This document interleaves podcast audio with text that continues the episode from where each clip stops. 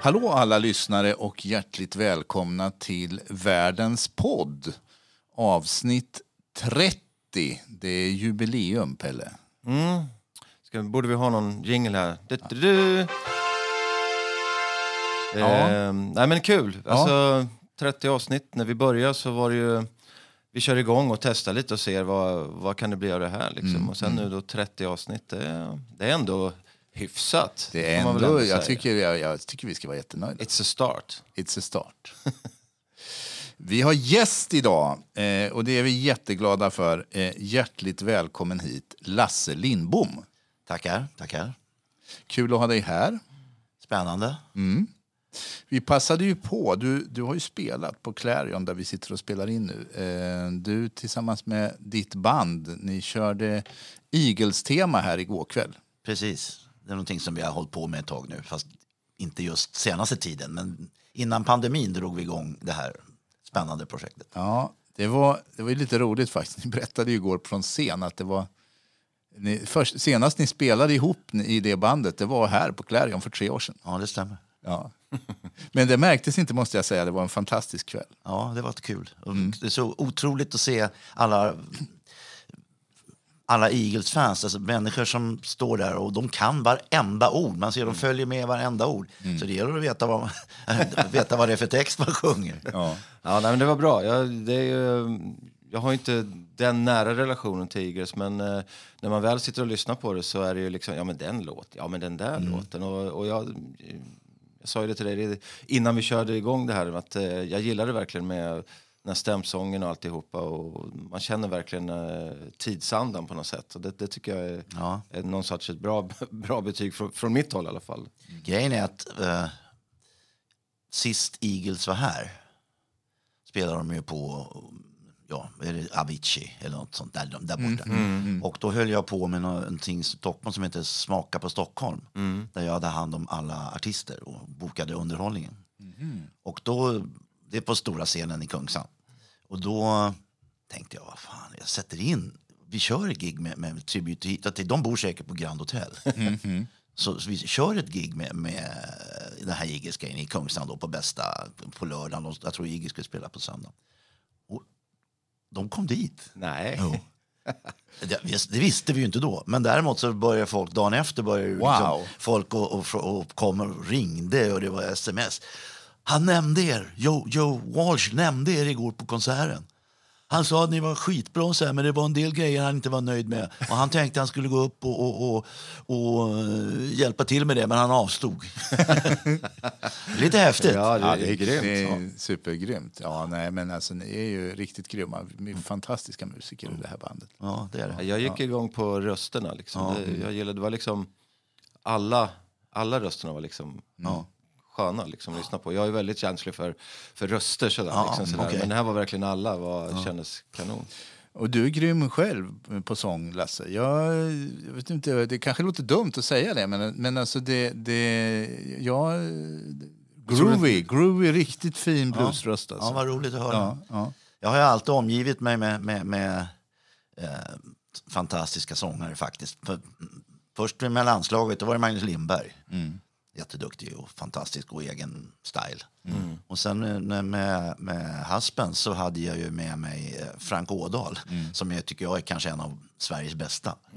Och, och, det var väldigt, nu har jag Patrik Ja. Lundström. Det är samma där. Men det, ibland känns det lite konstigt att ha de där grabbarna som andra sångare i band. Ja, jo, men alltså det, så är det ju. Men det är klart att det är en väldig styrka att ha så, Ja, det det. eh, så, så, så? Det är så en, en, en bra ledare omger sig med bra eh, Exakt. folk runt omkring sig så Exakt. blir man ännu bättre. Så det är bara Exakt. smart. Det var ju när jag, med Lasse Lindbom band och när jag tog med Niklas Strömstedt. Då var ju han, då var han verkligen en young boy. Och alla sa, vad fan tar du med honom för? Han kan väl, han, han var lite sådär. Men han, han var väldigt läraktig, han lärde sig väldigt fort. Och Då sa jag, ja, men det är inget fel att ha en snygg kille med i bandet. Absolut inte. Eh, vi brukar ju ta lite så uppsummering kring vad som har hänt från senast när vi i, så här, i början utav, och det har ju hänt en grej här som vi ju inte kan gå vidare egentligen utan att nämna. Jag såg nu på morgonen här när vi spelar in i, i det när jag läste nu på morgonen att Pugh Rogefeldt är borta. ja. Inte kanske helt oväntat, men han Nej, han har varit sjuk länge. sjuk länge. Ja. Ja. Ja, han fick väl en sån här otäck eh, sjukdom, va? Ja. Som, sån degenererande sjukdom. Som, Ja, jag vet inte riktigt vad det var, men han, Nej. kunde ju inte, han kunde ju inte uppträda helt enkelt. nej, nej. Ja, det kändes, alltså när man läser om det var typ, vi pratade lite om med, å- typ ALS, fast Ja, det var inte det. nej, men, precis. Men liksom någon liknande. Precis, det stämmer ju. Mm, mm. Men ni har jobbat ihop, va? Ja, vi har jobbat ihop. Det har vi. Mm. Han var ju med i eh, den första uppsatt uppläggning, eller vad heter det, upp, ja, vad säger man? Ja, första Grymlingsuppställningen Mhm. var ju han med. Så där började, lärde vi känna varandra och började jobba. Producerade du dem? Eller? Jag producerade den plattan och även sen direkt efter en, en puggplatta som heter Människans hantverk. Hur var han att jobba med? Ja, alltså det är svårt idag, han har gått bort. Men han, var, han var, ingen, var ingen lätt kille. Nej, Han eh, kunde vara riktigt jävla elak faktiskt. alltså till och med det ja, alltså. Och, och väldigt udda person. Ja. Så att vi, det gick ju faktiskt så långt att när vi gjorde den här soloplattan då med honom så, så, så släppte jag det. bara. Så jag gick inte ens på releasepartyt eller någonting. För jag, tyckte att, jag, jag, tyckte, jag sa till skivbolaget, jag har gjort mitt jobb nu. Och är ni inte nöjda med det så, så då kan inte jag göra mer. Nej.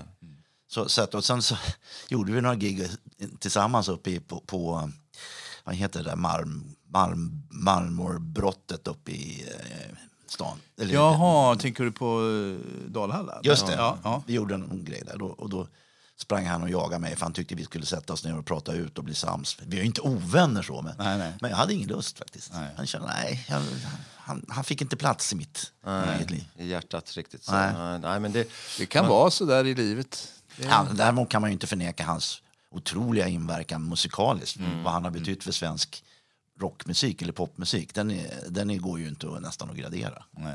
är det som alla alltid pratar om, är ta det till svenska. Liksom. Ja, när, när precis. allting annat sjöngs på engelska den här perioden så gör han det. Ja, gjorde det. det kommer jag ihåg när den kom. Han var helt fascinerad. Det var två plattor som kom ungefär samtidigt. Led Zeppelins första och den här Ja, det är det. det. Ja, det, är ju, det är ju ingen dålig jämförelse, Nej, det får nej. man ju säga. Alltså. Ja. Ja, det är ju, 69? Typ där Ja, någonstans. ja. Ja, jag, men jag har fått en uppfattning om att han var lite trumpig. Jag tänkte när han var med där Så mycket bättre. Där. Så då blev det en sorts eh, revival för honom. Och så blev han ju nästan sjuk direkt efteråt. Ja. Eller om han var där, där redan. Jag vet Ja, inte. det vet men, inte jag heller faktiskt. Men, eh, men jag kan tänka mig utifrån vad du berättar att, Ja. det, att han i alla fall svår. Ja. Otrevlig är en annan sak, men, men svår kan jag tänka mig. Liksom, att, eh, ja. ja, det kanske är så med musiker. Ja, inte för så många. Jag, jag, de flesta jag känner är trevliga och glada människor. samma, samma, jag har faktiskt samma erfarenhet, måste jag säga. Men du, vi går vidare med dig, tycker jag, Lasse. Eh, och eh, som sagt, hjärtligt välkommen hit. Jag tänkte du skulle få chansen att berätta lite om ja, vem är du och din bakgrund och sådär. Ja. Det blir en lång historia. Nej, jag är ju upp, stockholmare, uppfödd på Söder. Eller på söder om Söder. Alldeles, väldigt nära eh, Globen och där uppe. Eh, och där bodde jag ju tills jag var 18. Sen flyttade jag in till Stockholm. Så har jag bott i Stockholms innerstad egentligen hela mitt liv. Till för ungefär 12 år sedan. Och då flyttade jag och då hamnade jag där ute igen. Så tänkte jag, vad fan?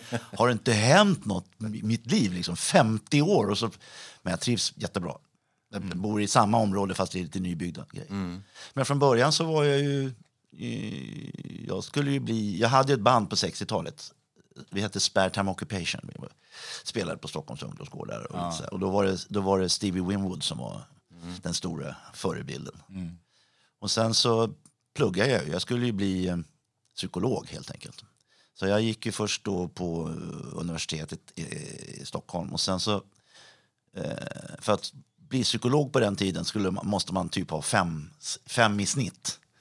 Så att, Det var jättesvårt att komma ja, in. Alltså. Ja. Så jag, vi, jag och en kompis eh, vi, vi tog reda på att för första var det en professor som vi gillade som, som jo- jobbade på Köpenhamns universitet.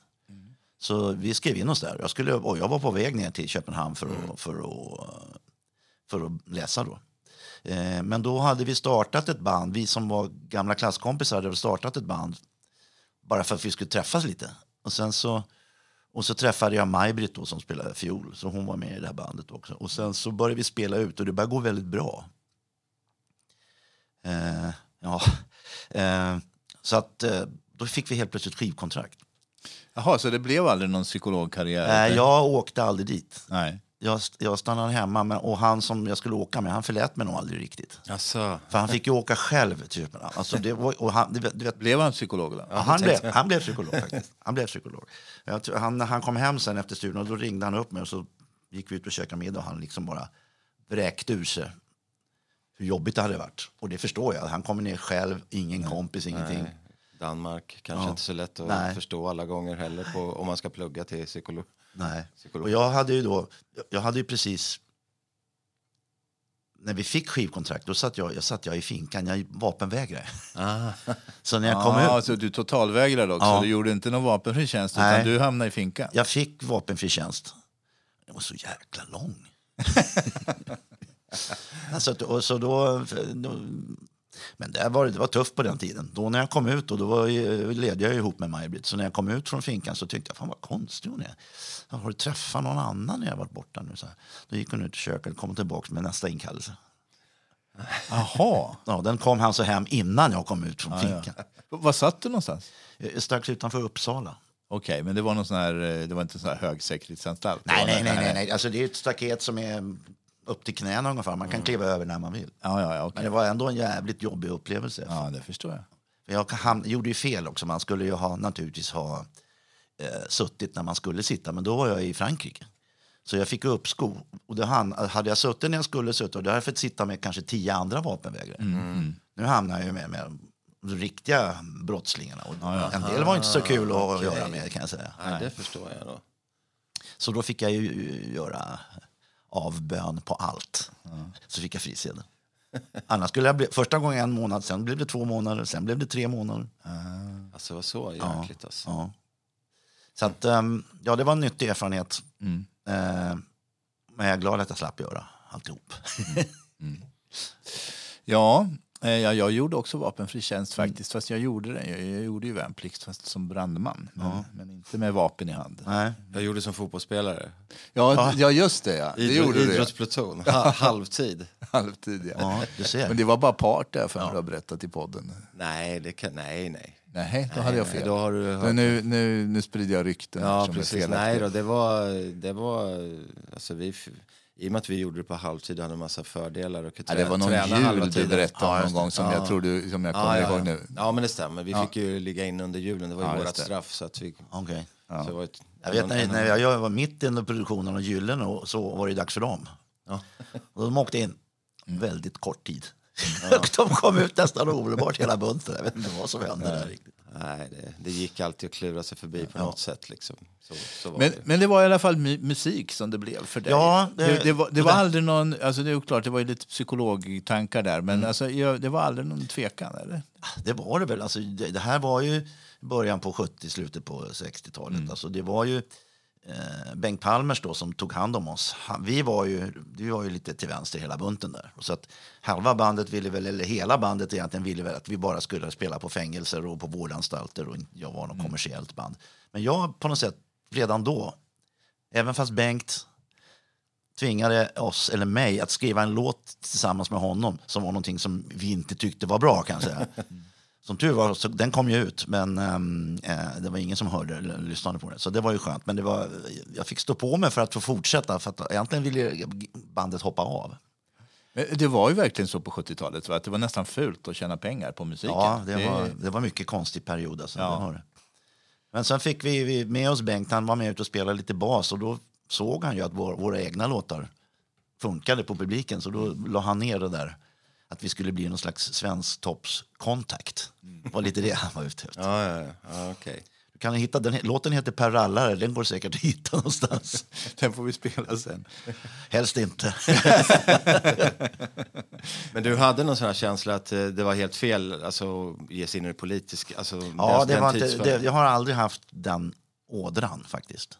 Jag, jag var ju väldigt till vänster på den tiden. Jag var till och med med i någon grupp som hette KFMLR. Den var Ja, det. den var jävligt avancerad. Alltså jag Det, hade, var väl den, det är väl den som eh, Jan Guillou skriver om i sina Hamilton-böcker. Att, att, Hamilton, den fiktiva Hamilton var medlem där tror jag på, Okej.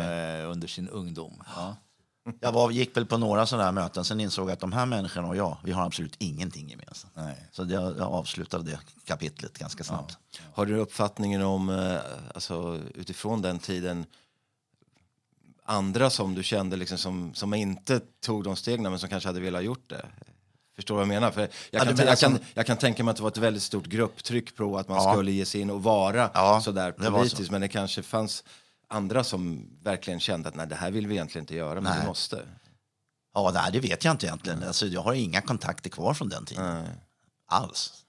Och det var väl inga människor jag kände egentligen. Så det man gick ju, ja, som idag, den dagen som det är idag, det var ju en stor dag då på den tiden. Man gick ju i de här demonstrationstågen. Och det var ju Ja. Vietnam och allt det där. ja, det är klart att det var en annan tid också när det, det kanske fanns större anledning i alla fall att reagera. Det är väl ingen, ja. råder väl ingen tvekan om det. Nej. Det är mycket att reagera på idag också, men det är kanske Ja, för mycket. Ja, Det är liksom, ja, så är det. Eh, ja, så började det i alla fall. Så började det i alla fall. Har, eh, har du liksom...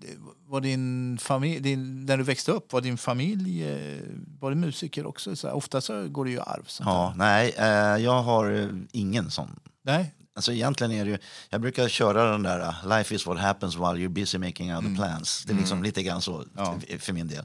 Men ja, det är ju Beatles. Det handlar bara om Beatles. För när Beatles kom, då, då förändrades alltihop. Liksom. Då, ja. Då började man ju tänka på musik på ett helt annat sätt. Och man kände att jag måste lära mig att spela. Det här kan ju gå. Och så när man kämpade för att få håret över, ovanför öronen och allt det där. ja, det var otrolig kulturbärare. Alltså det förändrade Ja, ja, ung, ungdomars Ja. eh, syn på musik kanske till och med. Ja, och inte bara musik, alltså kläder och allting. Jag kommer ihåg, alltså, jag brukar nämna det när vi pratar om sådana här saker. Att när jag gick, började i första ring i gymnasiet, då gick tredje ringarna i kostym och hatt. Liksom. Det, var ingen, det var inga jeans och inga t-shirts och sådana saker. Så brottet kom där. Det ligger ganska precis där. The swinging 60s. Ja, absolut.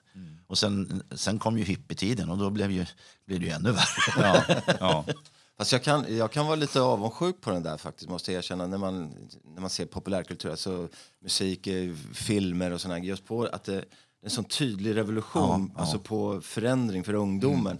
Även om jag menar, jag är uppväxt på 80-talet. Vi- 80-talet var ju speciellt på sitt sätt med, Absolut. med den brittiska musiken och all new romantica och det var galna kläder och hög eh, frisyrer. Men det var inte liksom det var inte riktigt samma sak ändå. Punken har ju funnits också. Så. Men, men någonstans där som 60-70-tal, det, var, det var verkligen ett sånt där gigantiskt paradigmskifte för, för samhället på något sätt. Både, och, och inom musiken var ju det som hände som var ju det att, det var ju det att innan dess var det ganska hårt styrt. Alltså skivbolagen satt ju och sa Mm. "Ja, men den där killen, han kan inte sjunga men han är snygg. Ska jag Mm. honom till stjärna. Så den här tiden när det kom, då, till slut satt ju de här som var direktörer på skivbolagen, de visste ju ingenting om vad som skulle hända. Så då, då släppte de allting. För de visste, de vågade inte säga att det här, det här, det här förstår vi inte, men, men, men, men, men det är bäst att vi låter dem göra det. Och därför tror jag musiken växte så in i helskotta och utvecklades. Men Jag kan väl ändå säga att jag... Nu kan jag alltså man kan inte jämföra kanske, men jag, ju, var ju ung på 80-talet och eh, född 64. Så att jag var, när, när 1980 kom då var jag 16 år. Så då är man som mest mottaglig för. Och det var ju den här metaleran. Så att jag, jag levde ju verkligen det där under några år under ungdomen. När det, liksom, det, var, det var metal och det var, man var metalhead och det var, det var det allt som gällde att köpa plattor och försöka få skrapa ihop pengar till att gå på konserter. Så jag kan väl verkligen känna att jag, att jag fick uppleva något liknande också, även om det inte var 60-tal. Det var 80-tal istället. Så, Så, se- så är det säkert för varje generation, tror jag, har en känsla av att... ja, frågan är om det är jag så då. idag. Det är bara jag som inte upplevde det. Men det kanske var för att jag var för bred. Jag, var, jag, jag lyssnar ju på allt. Liksom. Jag, Ja, det, det, ja, nej, jag vet inte. Ja, frågan är om det är så idag. Jag tycker man ser lite killar och tjejer med, med eh, jeans och jeansjacka och, och, och, eh, och märken på, på jeansjackorna igen nu. Så jag, hopp, jag har ju någon sorts tanke om att det kanske är på väg tillbaka. Ja, jag, jag, har ju en, en känsla av att, att idag finns allting. Alltså, alltså du kan söka, det, det finns ingen bra musik, men det gör det ju. Men man måste leta, för det finns så många olika genrer och stilar. Och, och i, inget kanske blir jättestort, men det finns. Men det gäller att hitta det också. Mm. Ja, för det är klart att det görs ju musik jämt. Alltså. Det kommer det alltid fortsätta göras. Liksom. Helt klart. Om vi går tillbaka till banden. Och, och, Ja, och, det var det, väl det, på- var, var, det, var, det, var, det, var det landslaget som var först? Landslaget egentligen? var först. Ja. Det, alltså, ja, om du bortser från Spartam Ja, precis. Och innan dess hade vi ett band som hette Bunglers. Klåparna betyder det. Vi kunde inte spela eller någonting, men vi tog, vi tog bandbilder för vi tänkte gå hem hos tjejerna. Ja, ja, ja, det är klart. Ja. Nej, inte landslaget- vara dum. Ja, Nej. det var det första ni hade riktig framgång med, Ja, landslaget? det var det första vi gjorde en riktig Ja. platta med. Så, så att vi gjorde ju Ni gjorde ganska många plattor. sju stycken Sju, gjorde oj, vi på, ja, ja. på, eh, på 70-talet. Då. Det var ju en... eh, Det var ju fantastiskt att få göra det till att börja med. Och, och, och sen den här, alltså från att ha varit uppväxt i Blåsut och helt plötsligt åka ut i folkparkerna. Man, fatt, man fattar ju ingenting. Jag har aldrig varit i en folkpark. Nej. Jag vet, vi hade premiär första året i en park som heter Virserum nere i Småland. Ja, just det. Och så det, kom vi dit och så satt man upp grejer. Och det var ju faktiskt som om igår. Det, det var igår det var den stora folkparkspremiären, alltså mm. Valborgsmässoafton. Det var många gånger man borstade snön av PA för det var så jävla kallt. Men gick man ut i parken och vi gick omkring där. Wow, vad händer här? Och så kom vi där, där, där de dansade. Och då var det skitmycket folk. Då. Ja. Alla dansade åt samma håll. Vi liksom, vad fan är det som händer här egentligen? Men det var, det var stora publiker på den tiden? Ja, ja. Oh, det var tusentals. ja. Det var fantastiskt. Hur gamla var ni då ungefär? Ja, jag är jag, säger 70 var jag då eh, 21, va? Blir det, född 49. Asfaltsbarn då, komma ut på... Och första turnén gjorde vi, eh, så kompade vi Lena Andersson. Är det konstigt att man längtar bort någon gång? Ah. Det var väl sådär halvkul om man ska vara ärlig. Men däremot andra året, det glömmer jag aldrig, det var ju i Köpings Folkets park. Så stod vi, men det var en sån ridå framför folkbasseringen. Man stod där inne och vi skulle spela själva första gången i, i, i vårt eget namn. Och det är så lätt som var där ute. Och sen när de drog bort ridåerna och så stormar de publiken. Då känner man yes! Nu är vi stars. Ja. Ja. Alltså parkerna var, ett, det var en stor del i mitt liv, alltså 70 och halva 80-talet kan man säga. Ja, det- Tjänade ni mycket pengar, om man får vara fräck och fråga? Det, det är en bra fråga, för att, eh, det vet jag inte. Jag menar, det räckte ju i alla fall. Ja, men, Men- ni satte sprätt på alltihopa också? Ja, det har jag gjort hela mitt liv. där, har det inte hänt någonting. Ja. Men det var lite olika uppsättningar, eller det började med en Ja, landslaget var ju, det var ju först det här med Maj-Britt då, som kom via att vi var ett, ett par. Och sen så var det skol, gamla klasskamrater. Sen så var det en kille som hoppade av. Eller vi, han fick hoppa av. Han var, han var jätteduktig, men han, var, han, var i, han gillade att bli lite arg när han var druckit några glas. Ja, ja, ja, så att det blev ohållbart till slut. Ja, ja. Eh, och då hade vi Det har hört hänt många band det där. Ja. Men då hade vi hört talas om Magnus Lindberg då. Så att, eh, då gick vi och lyssnade på honom och så sa vi att han ska vara. Honom ska vi ha. Ja, det är en gammal favorit. Ja. Så att han var ju med eh, några år. Han tyckte inte... Han, ja, sen hade vi några fina år där. Sen kom det här som blev kanske både... Ja, kanske slutet för landslaget egentligen. Jag blev uttagen 1975. Till, då tog de ut tio kompositörer för att skriva låtar till slagen. Och slagen var ju liksom... Till Melodifestivalen? Ja, alltså. ja. det var inte så Ja, det var ju hippt. typiskt ja, det var inte så hipp på Nej, 70-talet. nej. Men jag tyckte det var kul. Så då skrev jag en låt där och sen så... Eh, ja, då gick väl hyfsat. Vi kom sjua eller något. Det var ju det året. Var vi med, nej, det var Jenny Jenny var det som vann med Lasse Berghagen. Men det som, det som det blev lite knäckande där för Mankan, det var ju att vi, då hade vi de här killarna som gjorde ABBA-kläderna. De gjorde kläder till oss då. Och då, då hade de satt på Mankan en sjömanskostym, alltså där sprite, det gick inte. Han och Håkan Hellström. Ja, han, han, hade Fast, fast typ en massa år för tidigt. Ja, så att det, där blev liksom, sen, sen började han att vilja, sen var väl så, det ska jag väl vara ärlig och säga, att jag, på den jag är en snäll kille, men på den tiden var jag väldigt bestämd om v- hur det skulle låta och, och vem som skulle bestämma. Och man kan börja rycka lite, i det, vill komma därifrån liksom helt enkelt. Han hade egna ambitioner Ja, att precis. skriva låtar och Ja. göra musik. och Så. Exakt. Du var en bestämd herre. Ja, eh, jag vet en gång efter en spelning så hade, hade väl jag, hade väl Maj-Britt gjort något som inte var så bra. Så efter giget sa hon så här, tittar du på mig så där en gång till så slutar jag i bandet.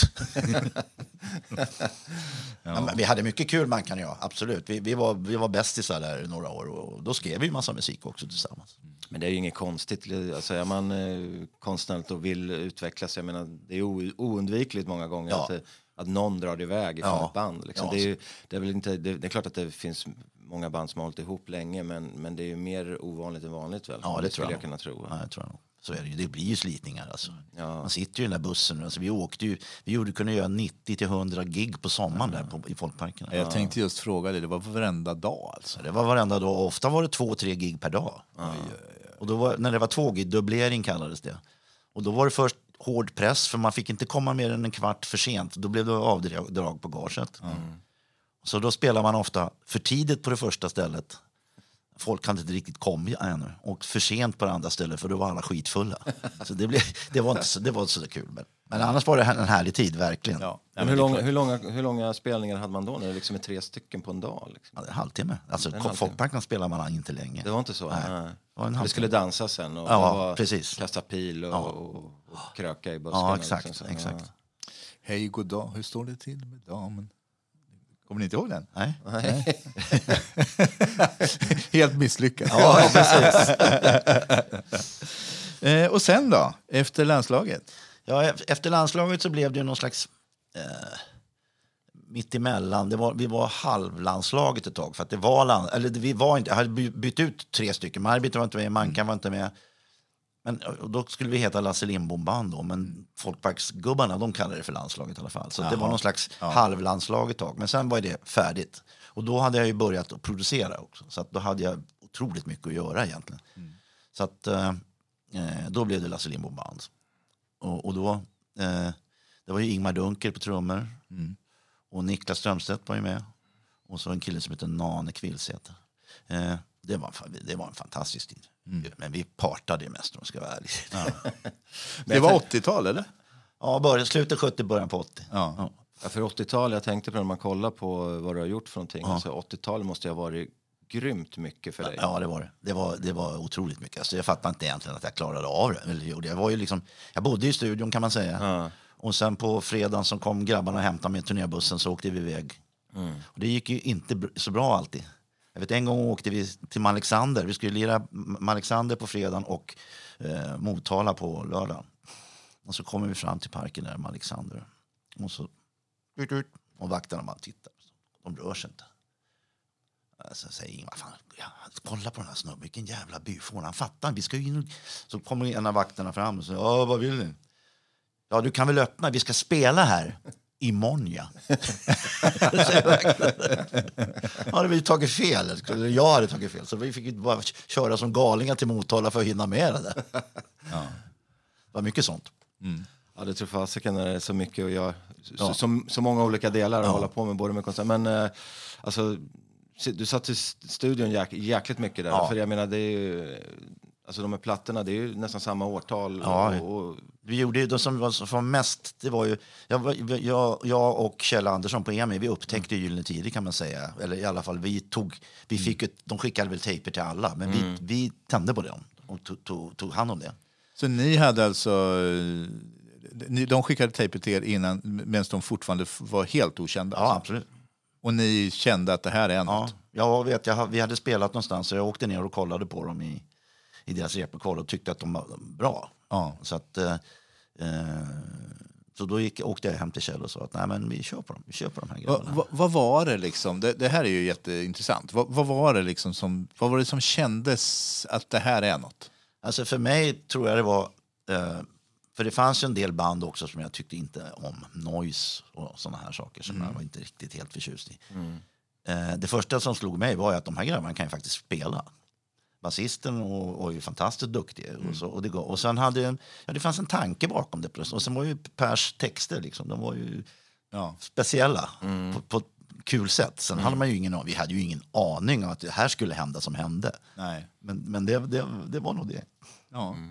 ja, för det var ju den där tiden, det var ju då en annan var ung, höll jag på att säga. Det var ju Gyllene Tider och Noise som Ja. var liksom de två Ja, sidorna för, för många unga. Och freestyle kanske var. Eller? Freestyle var ju... Dök Kanske ju, kom senare, Ja, senare. något, ja. det var väl ungefär. Men jag Ja. tror ändå att det var liksom Gyllene Tider och Noise som var någon sorts fight mellan. Och det var ju de Det var lite som Stones och Beatles. Nästan lite så, fast i svensk version. Ja. Där väl eh, Noise var lite rockigare. Va? Ja men snälla Halmstad-pojkar och sen så mot ja. tunnelbanegrabbarna från Stockholm. Ja, så, så, så där. var det ju lite grann. Så det är ju, det är, jag, som vanligt, så jag stod och stampade på båda sidorna. Jag lyssnar på båda. Så att, story of my life. Ja. Ja, men det ledde ju till också, eh, som, som var rätt kul faktiskt, för då... Eh, 1977 var jag ju med i, slag, eller slag, eller Melodifestivalen som Ja. du säger, eh, och igen då. Och då kom vi faktiskt trea med, med en låt som hette Sommaren 65. Eh, och sen så två år senare, eller ja, 80 då, så, så ringer Per. Jag är på semester i Spanien tror jag då. Och så, ja, vi har fått med en låt i Schlagerfestivalen. Vi vill inte vara med. Så då fick jag sjunga den då. Jaha! Ja. Så det var den här, den hette För dina bruna ögons skull. Ja, ja. Den kom sist. Han hade en bra känsla. Ja, han hade det. Ja. Men det, det visade sig att det, det var ju det som gjorde att, att, vi, att vi blev ju stora med Lasse Lindbom Band där då. För vi, den, först var det många som de diggade, den var ju lite poppig. Och då tyckte de, vad fan jävla idioter, det är en skitbra låt. Och sen så var jag tvungen att skriva en baksida. Och då gjorde jag det och den tog lika lång tid att skriva som det tog att spela. Den hette Kom och värm dig. Och så skickade vi ut det här till alla discjockeys gjorde man på den tiden. Och vi fick svar från alla. Nej, nej, nej, nej. Det, är, det är Kom och värm dig som är hitten. Så vi drog in hela den här och vände på den och, gjorde Kom och värm dig till A-sida. Okej. Och sen tog ju alltid, då tog det ju fart. Sen, sen levde vi på den låten tror jag tills vi slutade att turnera med Lasse Lindbom. Så det är konstigt. Vilka tillfälligheter. Ja, verkligen. Jag säger det. Life is what happens while you're busy making other plans. Ja, faktiskt. Det är små saker hela tiden. Vad kom sen då? Ja, sen kom ju, sen kom kan man väl säga, om man ska bara gå igenom det som det verkligen var, sen kom ju Marie Fredriksson. På, kan man säga. Ja. Vi, vi höll på med en platta med Lasse Lindbom som hette Romantisk Blackout. Där hade jag en låt som jag skrivit som skulle vara en duett. Eh, och den hette Så nära nu.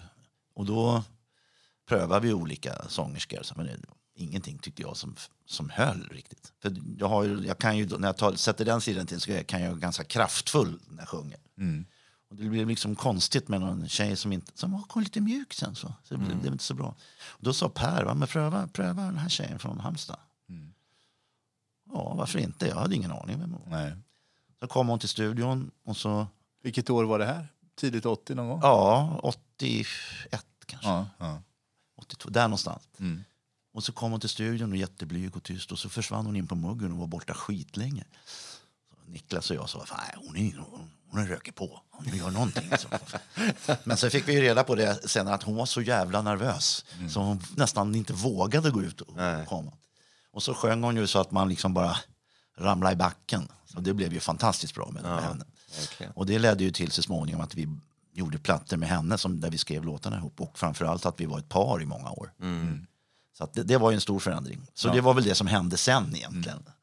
Hur många plattor hann hon göra innan, eh, som soloartist eh, innan Roxette? Ja, alltså jag, jag, Jag var, har några stycken av dem där vet jag. Men... jag har ju- var inblandad i tre. Ja. Sen tror jag hon gjorde någon mer Ja. efter det. Men jag, jag, jag gjorde de tre första kan man säga. Eller vi, ska jag väl säga. Och då gjorde vi det här eh, som, som eh, många bara skakar på huvudet. För jag tänkte så här, en vokalissa, vem vill det liksom? Så vi, jag bestämde att vi skulle göra en, en Lennon McCartney. Så att även om jag hade skrivit kanske 90 procent av låtarna så stod det alltid Lindbom Fredriksson på alla låtar. För att det skulle bli lite mer tyngd det här. Och det har väl förföljt mig lite eh, ibland. För jag känner att egentligen skulle jag vilja ha lite mer cred då, för att jag ändå har gjort det. Fast det hade jag ju bestämt mig för att jag inte skulle ha, så det spelar inte det någon roll. Nej, det är klart det blir ju så då. Ja. Men det var ju, var ju när liksom, stod och var ute någonstans. Jag kommer ihåg faktiskt, vi var och lyssnade på Eagles när de var, spelade i, i, i, på Gröna Lund. Och då kom det fram till eh, några tjejer till, till Marie och sa "Åh, dina texter är så fina, du förstår precis hur en tjej känner. Och jag tänker, hmm, kan jag utnyttja det här på något sätt? Ja, det är bra betyg i och för sig. Ja, men, det är det. Men, jag, men jag fattar din... eh, Fast jag säger, jag brukar säga det också så att det inte ska missförstås. Här. Alltså, jag hade ju aldrig skrivit de här låtarna om inte hon hade funnits. För det var ju hennes röst och hennes sätt att uttrycka sig som gjorde att jag fick inspirationen att skriva de här låtarna. Så att, det- och det, några låtar har ju- hon varit med och skrivit. Jag kan säga att det är 20 kanske. Men då, däremot en av de hitten, den här Efter stormen, det var bara hennes. Men där fick jag ju cred också. Så att, liksom, det jämnar väl ut sig Det jämnar väl ut sig. Ja.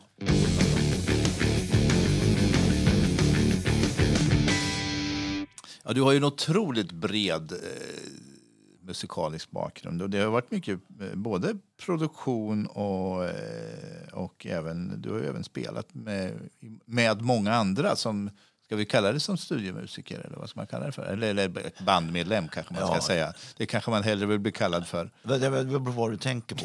jag, jag vet inte.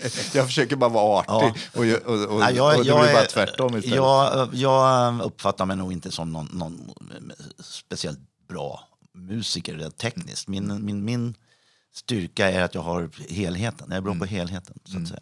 Så att jag, jag gjorde väl nästan aldrig något jobb bara som studiomusiker. Nej. Då, I så fall Du bo- produce, producerade jag och spelade. Nej, för jag tänker alla på alla plattorna med Ulf Lundell. Ja, precis. För då både spelade du och Ja, producerade. jag, jag gjorde det de två första skivorna. Ja. Men sen så upplevde jag att alltså, det där är ju svårt när man ska jobba som producent. Då, det, då är det viktigt med helheten. Om man då är med och spelar bas så tenderar man att bara lyssna på det man gör själv. Så att efter, efter andra plattan så avstod jag från att vara med och spela. Utan jag bara producerade. Så. Så, Okej, så du, du var med... Du, har, du, du spelade på en platta med Ulf Lundell? Två. Två? Första som jag gjorde var ju den Rip Rap. Ja. Och det andra var den här som vi åkte till eh, England och gjorde, längre inåt landet. ja, just det. Men sen producerade du Ja. flera stycken? Va? Ja, ända, jag gjorde, tror- ända till, jag tror att det blev tio plattor totalt. Oj, oj, oj. oj. Ja. Ja, det var häftigt. Det var mm, både lärorikt och ibland ganska besvärligt. För att det var Uffe. Ja, men det har man ju förstått. Så Ja, att, eh, men, eh, apropå vara bestämd, som du sa att du kan vara. ja. Liksom, han också misstänker, eller? Ja, då, absolut. Han, han, alltså det som var så otroligt kul med att göra hans plattor det var ju att han, jag fick en kassett hem där han suttit hemma i- på köket och spelat tackgitarr och sjungit låtarna. Sen, sen var det jag och Kjell Andersson som drog ihop ett gäng musiker som vi trodde skulle passa med det här. Och sen så har ju min, min produktionsstil är ju inte att jag gick in, jag gick inte in och sa spela så, spela så, spela så, utan vi spelade upp låten, så snackade vi lite och så berättade jag vilket håll jag ville att det skulle gå. Och sen så hade jag ju en plan om det skulle inte funka. Men min idé var ju att Hasse Olsson är mycket bättre på keyboards än vad jag är. Så att därför fick han liksom jag fick en liten tips, sen fick han utveckla det som han ville. Och det här blev ju väldigt bra. Det, var ett väldigt kul sätt att jobba också. Jag tänker, Ulf Lundell har ju gått igenom, i alla fall vad man kan se utifrån, väldigt många olika perioder i sitt liv. Ja. Jag tänker apropå då, när man gör de här skivorna, Ja. har det varit svårt att förhålla sig till just där han är vid det här tillfället? Liksom? Jag kan säga så här att de första plattorna, då var ju Uffe en av oss. Alltså, vi, käkade lunch tillsammans och, vi, och när vi var på turné, jag åkte ju med och spelade på två turnéer också. På turné. Men, och då var han med också. Men sen blev det ju, alltså det, det här handlar ju nästan bara om alkohol alltihop.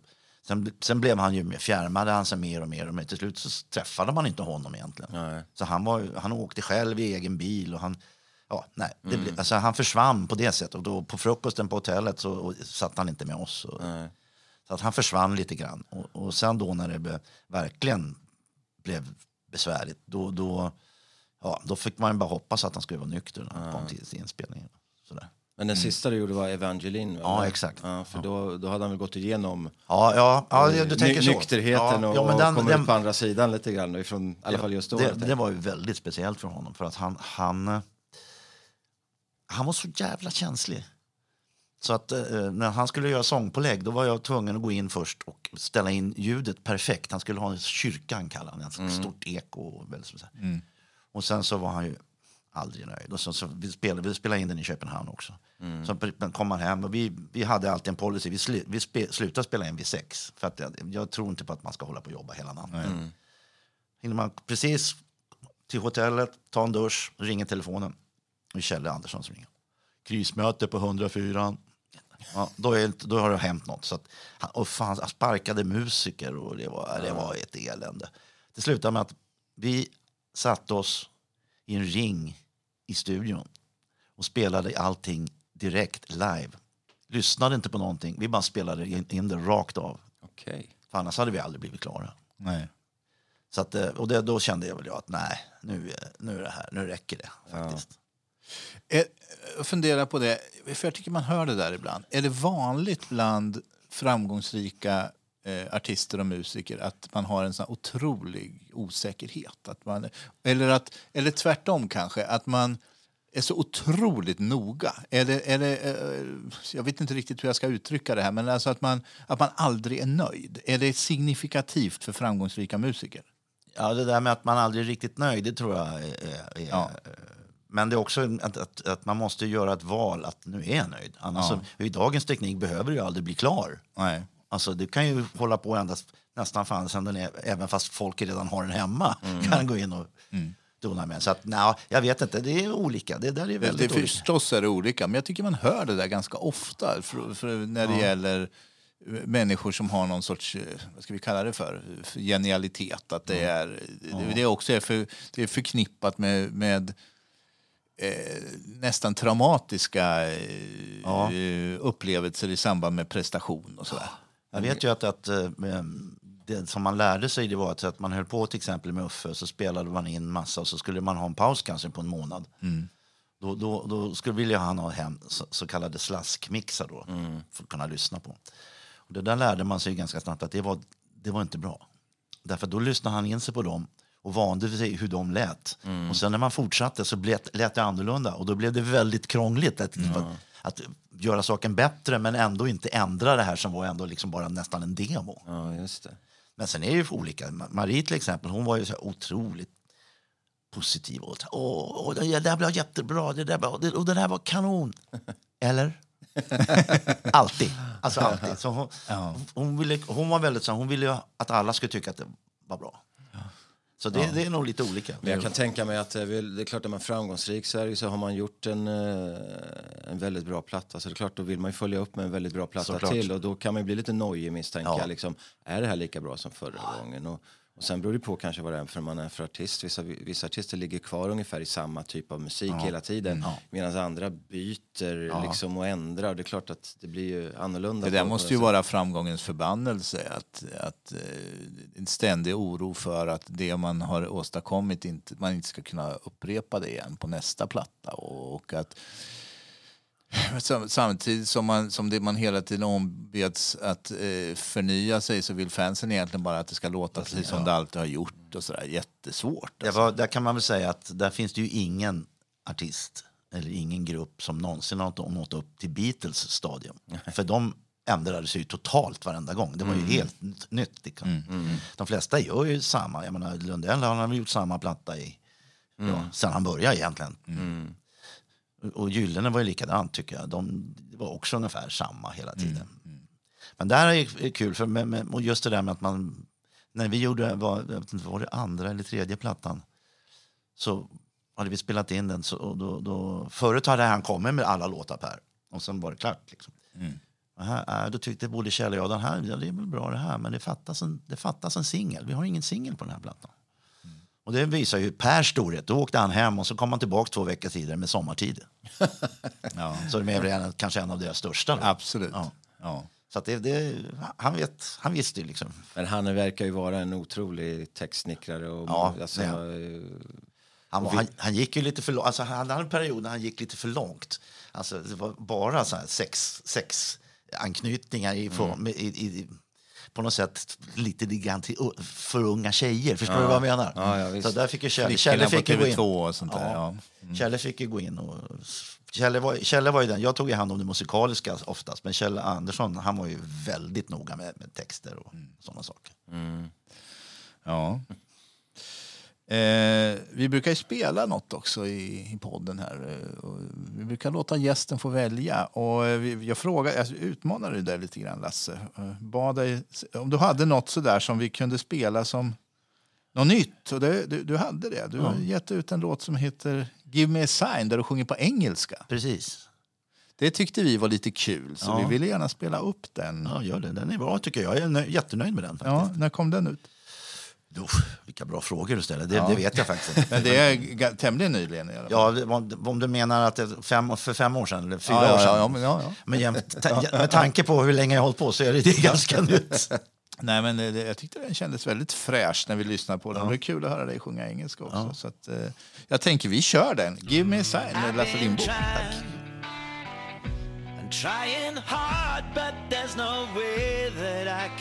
Understand the ways of the world. It's been so long, but now I'm back again. So let me know which way you wanna play. Give me a sign, show me a reason, tell me a lie try to make me understand. Open the gate, don't wait. Tomorrow it's too late. Seems like you and I are looking for a dream tonight. I don't know why. Don't know why you don't believe me when I tell you I got nothing to hide. Don't look back. There's nothing there to make you change your mind about the way you feel. Just give me a sign. Show me a reason. Tell me a lie. Try to make me understand. Open the gate, don't wait. Tomorrow it's too late. Seems like you and I are looking for a dream tonight. Let's just pretend that nothing changed. Put on your dancing shoes tonight. Don't let him win. Just hold me tight. Together we will be alright. I lost my way. But now I'm back to let you know that I was never really gone anyway. So count me in. I want to be a part of everything that happens in your world. Just give me a sign, show me a reason, tell me a lie, try to make me understand. Open the gate, don't wait, tomorrow it's too late. Seems like you and I looking for a dream tonight. Show me a reason. Tell me a lie. Try to make me understand. Open the gate. Don't wait. Tomorrow it's too late. Seems like you and I are looking for a dream tonight. Seems like you and I are looking for a dream tonight. Looking for a dream tonight. Looking for a dream tonight. Looking for a dream tonight. Looking for a dream tonight. Looking for a dream tonight. Ja, Lasse, det var inte helt lätt att höra att det var, där var du faktiskt. Nej, du ser. Ja. Är det bra, är det bra eller ja, dåligt? Det, var, det, nej, men alltså, det, det är väl kanske för att du sjunger på engelska. Ja, det kan vara. Det blir en helt annat, man uttrycker ja. sig på ett helt annat sätt. Och jag måste upprepa att du har ju fantastiskt bra röst. Alltså. Tack så riktigt, mycket för det. Riktigt bra. Jag tyckte det lät lite Bowie, sa jag här. Ja, men jag, jag kände så här att uh, den där åker nog in på min uh, bland, blandlista som mm. är hur lång som helst, som jag har på Spotify. Ja, det är kul. Det roliga med den där är ju alltså, den där är inspelad i mitt vardagsrum hemma. Mm. Så mm. jag spelar ju och sjunger allting på den. Det finns ingen mm. annan musiker inblandad egentligen. Jag tänkte just på det, hur ser din eh, liksom, musikaliska vardag ut nu? För det är ju, om jag ursäktar så är det ju lite, du har en del år på nacken och du har en lång karriär. Ja. Och, Alltså, hur, hur tänker du när du nu jobbar med, för du har jobbat med musik hela ditt liv och, och, och lär göra det resten av ditt liv. Absolut. Men hur, hur tänker du kring, du har det här bandet som lirar i... Ja, alltså jag har, ju jag har, en, jag har en, en, en dröm eh, att, att göra ytterligare en eh, riktig platta så att säga. Tyvärr så, så har det blivit, gått lite det har gått lite snett. För att när pandemin kom tänkte jag nu, bra, nu ska jag skriva 15 nya låtar. Och hur många har jag skrivit? Noll. Okej. Eh, Men idén som jag har det är att alltså, göra en riktigt gammeldags platta. Se till att ha fram, ta mitt fantastiska band, hitta en lada någonstans, rigga upp grejerna där och spela som de gjorde förr. Som Neil Young gjorde med, med, på, på de här plattorna. Alltså, en sån, och The Band är en av mina största. En sån platta skulle jag vilja göra. Och det, det är någon slags plan, men det, den, är, den är långt ifrån att bli, bli verkställd. Ja, men det är väl skönt att ha den i alla Ja, fall. det är det. Så- så Absolut. att då finns det någonting att jobba emot i Ja, alla fall. ja. Men kul att du nämnde The Band, för det sa jag igår när vi satt och Precis, pratade. Där, jag tänkte just på det. Fick lite Ja. känsla av det med den här live-delen när de har Van Morrison, Van Ja. Morrison kommer in. Och, Ja, just det. Och eh, med Neil Diamond kommer väl in Ja. också, den här klassiska. Ja, Liksom. visst. och, och, så jag sa det, ja, men fasiken, det är den där typen av känsla ifrån när man lyssnar på er igår, tyckte jag. Liksom. Ja, det, den, den i filmen är ju fantastisk. Mm, Verkligen. Ja, det, det, jag så- jag såg The Band live på Konserthuset. Det är den bästa konsert jag varit på. Mm. Utan tvekan. Och då spelar de två långa set. Först första set. Säger ingenting. Utan de, bara, de, och de bytte instrument också hela tiden. Mm, Och sen blir det paus och sen efter pausen börjar folk skrika på låtar. Mm. Det enda som sägs på hela konserten, då går Robbie Robertson fram och säger We're gonna do them all. sen fortsätter de att spela. Va? Det är jävla häftigt. Men idag kallar ni er för Husbands, är det inte så? Husbands eh, startades ju eh, 80, 1986. Ja. Eh, och det var väl så helt enkelt då. Då hade det blivit slut mellan eh, Marie och mig. Och jag var rätt trött på att åka omkring i folkparkerna och spela Kom och värm för, för skitpackade 14-åringar. Så att jag visste inte vad jag skulle göra helt enkelt. Och då ringer det en kille från Halmstad och säger du, fan, kan inte ni kan, inte vi, kan ni inte sätta upp ett husband och spela, spela på Norrekavaljören i Halmstad? Ja. Och då får jag ha fått reda på senare, för det här var ju precis innan Roxette tog fart. Så att Per satt väl också lite grann i limbo. Men då hade de frågat honom om han ville göra det, men han hade ju helt andra planer. Men då, då var det honom som han, Per rekommenderade dem att ringa mig. Och då tänkte jag, men det här har väl inget att förlora, jag kan väl sätta ihop ett band. Och då hade Niklas då, som hade gett upp kan man säga lite grann, han hade börjat jobba på EMI. Han hade första plattan, de som jag producerade, det, de, de, det lyfte aldrig riktigt.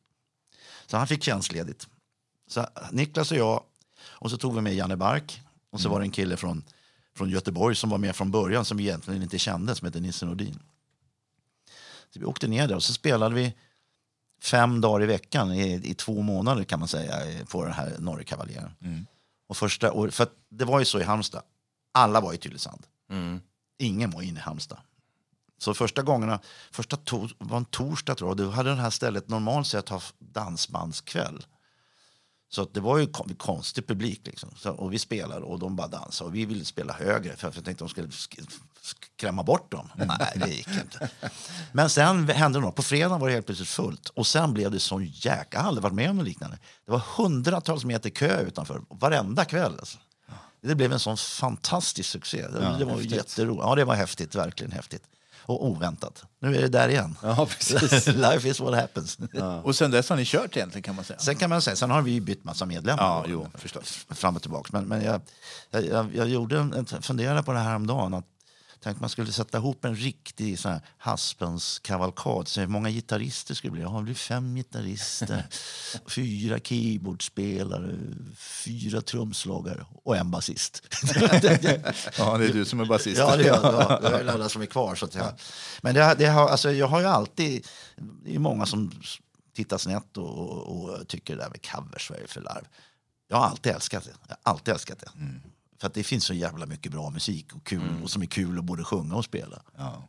Ja, men man kan göra covers på olika sätt. Man kan ju Absolut. köra liksom after ski och after Ja. de här grejerna som, som alla vill ha, samma Ja. låtar varje Ja, gång. precis. Om jag nu är fördomsfull, för jag har inte, det var länge sedan jag var på en afterski, Ja. om jag nu har varit Ja. på det, men du förstår vad jag Jag menar. förstår precis vad men sen kan man göra vad ni gjorde nu, liksom, med, man, med tema. Liksom. Vi kör Eagles-låtar eller vi kör några andra låtar och då blir det en annan typ av utmaning och på ett annat sätt. Husbands har ju alltid varit så, för, för att vi, vi brydde oss inte så mycket om det där, precis som du sa. Vi var ju inget sånt band egentligen. Men vi, vi valde också våra låtar som vi verkligen gillade, inte bara för att de var liksom drängiga och så att folk tyckte det var kul att skråla med, utan för vi försökte, ja precis som det här, som jag har gjort, vi försökte vara bra. Helt enkelt.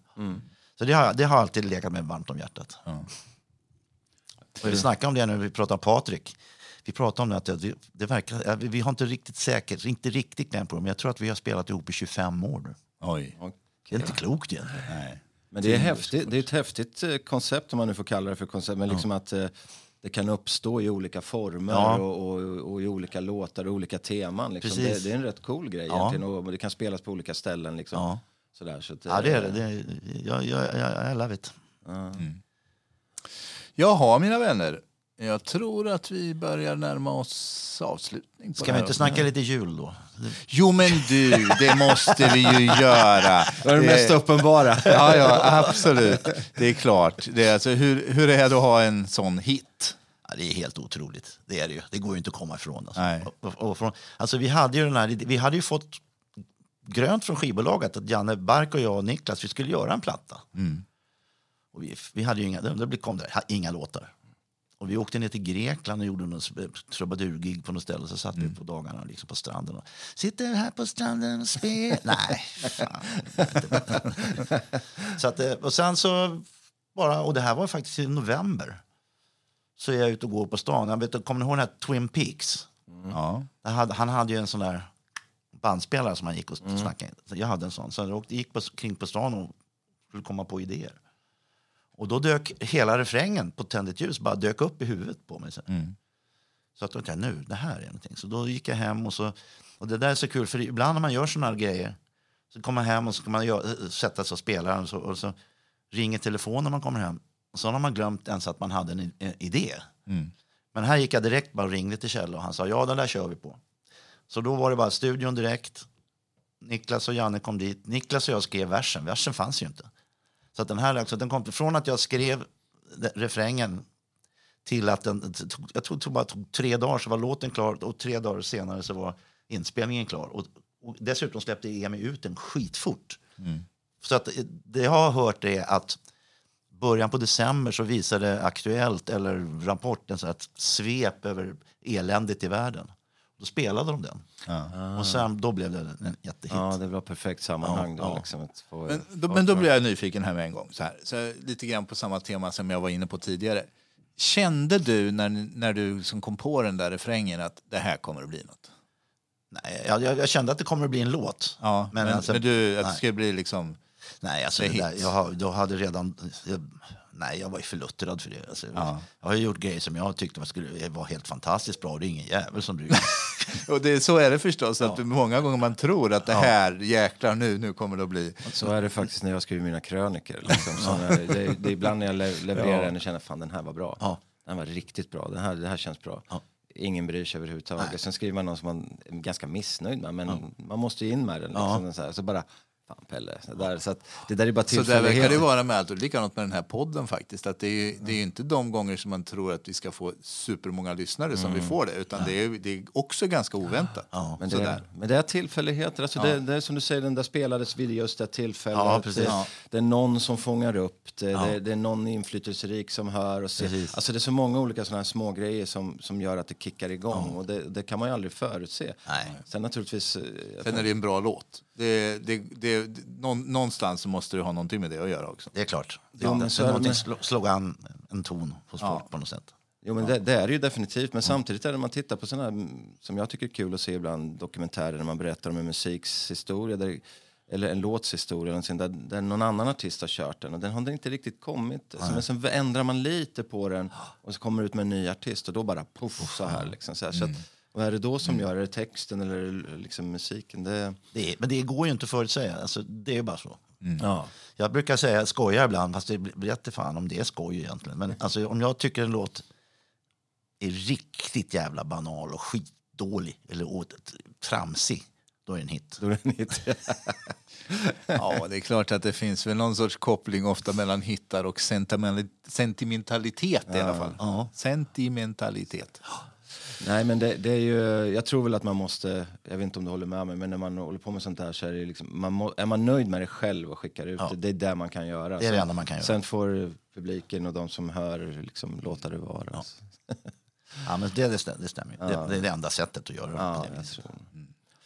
Ja, jag har en grej, jag vet att du sitter här nu och, Nej, nej, nej, och nej, nej. kollar kör. på... Ja, kör, kolla på kör. klockan. Ja, nej, men jag, jag läste någonting på, på din hemsida där. Jag, jag, jag är tvungen att fråga på det. Jag vet, absolut, framförallt när du sa att du skulle bli psykolog så stod det någonting om medita- meditera och transcendent Ja, och grejer. ja, ja. Så här, Ja. Vad är det? Jo, alltså det var ju helt enkelt så att jag, jag var ju, när jag var i 17, mellan 17 och 20 så var jag, hade jag, jag hade, vad ska man kalla det, religiösa grubblerier. Eller ska säga. Jag tänkte mycket på det där. Jag var inte riktigt nöjd med det här med vårat sätt att se på Gud och, och, och evigheten.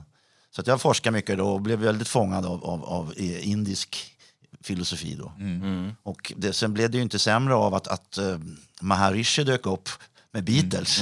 Just det. Så att, eh, jag höll på med det där och sen så gick jag faktiskt och, och, och lärde mig transcendental meditation av Maharishi. Inte han själv då, men av hans lärjungar. Och det är, en, det är en väldigt enkel process. Och den, det gör jag faktiskt än idag. Inte lika mycket som då, men, men eh, jag har stor glädje med- av det. Men det är en meditationsmetod alltså? det där ja. är, ja, Det är ett mantra alltså, och som man sätter sig ner och så, för att man ska inte man ska låta, lå- tankarna ska bara flyta, man ska inte ta fast i någon tanketråd eller någonting utan det ska bara flyta. Så. Just det, just det. Och det, det är, alltså när det är mycket att göra eller om man är jäkligt trött men jäkligt trött kanske inte är helt rätt att säga för då somnar man. Det är ingen tvekan om det. Men annars är, har det hjälpt mig mycket faktiskt. Ja, det kan jag tänka mig det är som mest att göra liksom, Ja. och mycket grejer och kan behöva sortera. Ja, ja det, det, det måste jag säga. Att jag är glad att jag lärde mig det. Sen har jag, så tog jag ganska snabbt avstånd från, från egentligen själva jag vet, det var på någon möte när de sa ja, om, om arbetarna mediterade lite mer så skulle det inte bli så mycket strejker. alltså, äh, äh, vänta nu ett tag. så där, var jag, där är jag ju inte med. Det är som med alla rörelser. Ja, det, ja. det finns bra saker i dem, men, men när det blir en sorts mass, massgrej och man ska tänka, andra ska tänka åt en, då blir det inte bra. Nej, jag, är, jag är ingen sån. Alltså, jag har svårt för sådana grejer. Men jag, jag, jag tycker ändå man ska vara öppen och, för tekniken.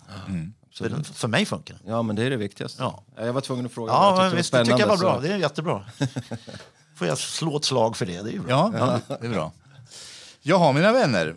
Eh, Då kanske vi ändå obönhörligen närmar oss eh, avslutning av avsnittet. Eh, Det har varit ett nöje, Lasse. Ja, vad kul. Jag har också haft kul. Ja, det var jättekul att du kunde ställa upp. Finns det inget bättre än att snacka om sig själv? så. Sant. Eh, sen så är det väl så också att vi ska meddela våra kära lyssnare att det, det är faktiskt eh, säsongsavslutning i det här avsnittet har Ja. vi tänkt oss. Så att vi, vi eh, ska göra lite sommaruppehåll nu eh, och kommer tillbaka igen efter sommaren. Vi får väl se när det blir och så får vi fil- filosofera lite grann kring hur framtiden ska se ut för podden. Vi har väl lite tankar men det har varit ett framgångskoncept det här med gäster i alla fall så det lär vi fortsätta med. Det skulle jag nog tro att vi Ja. gör. Det- Eller skulle tro, jag tycker det. Ja, ja. Men vi får se, kanske lite förändringar. Men eh, efter sommaren får vi se.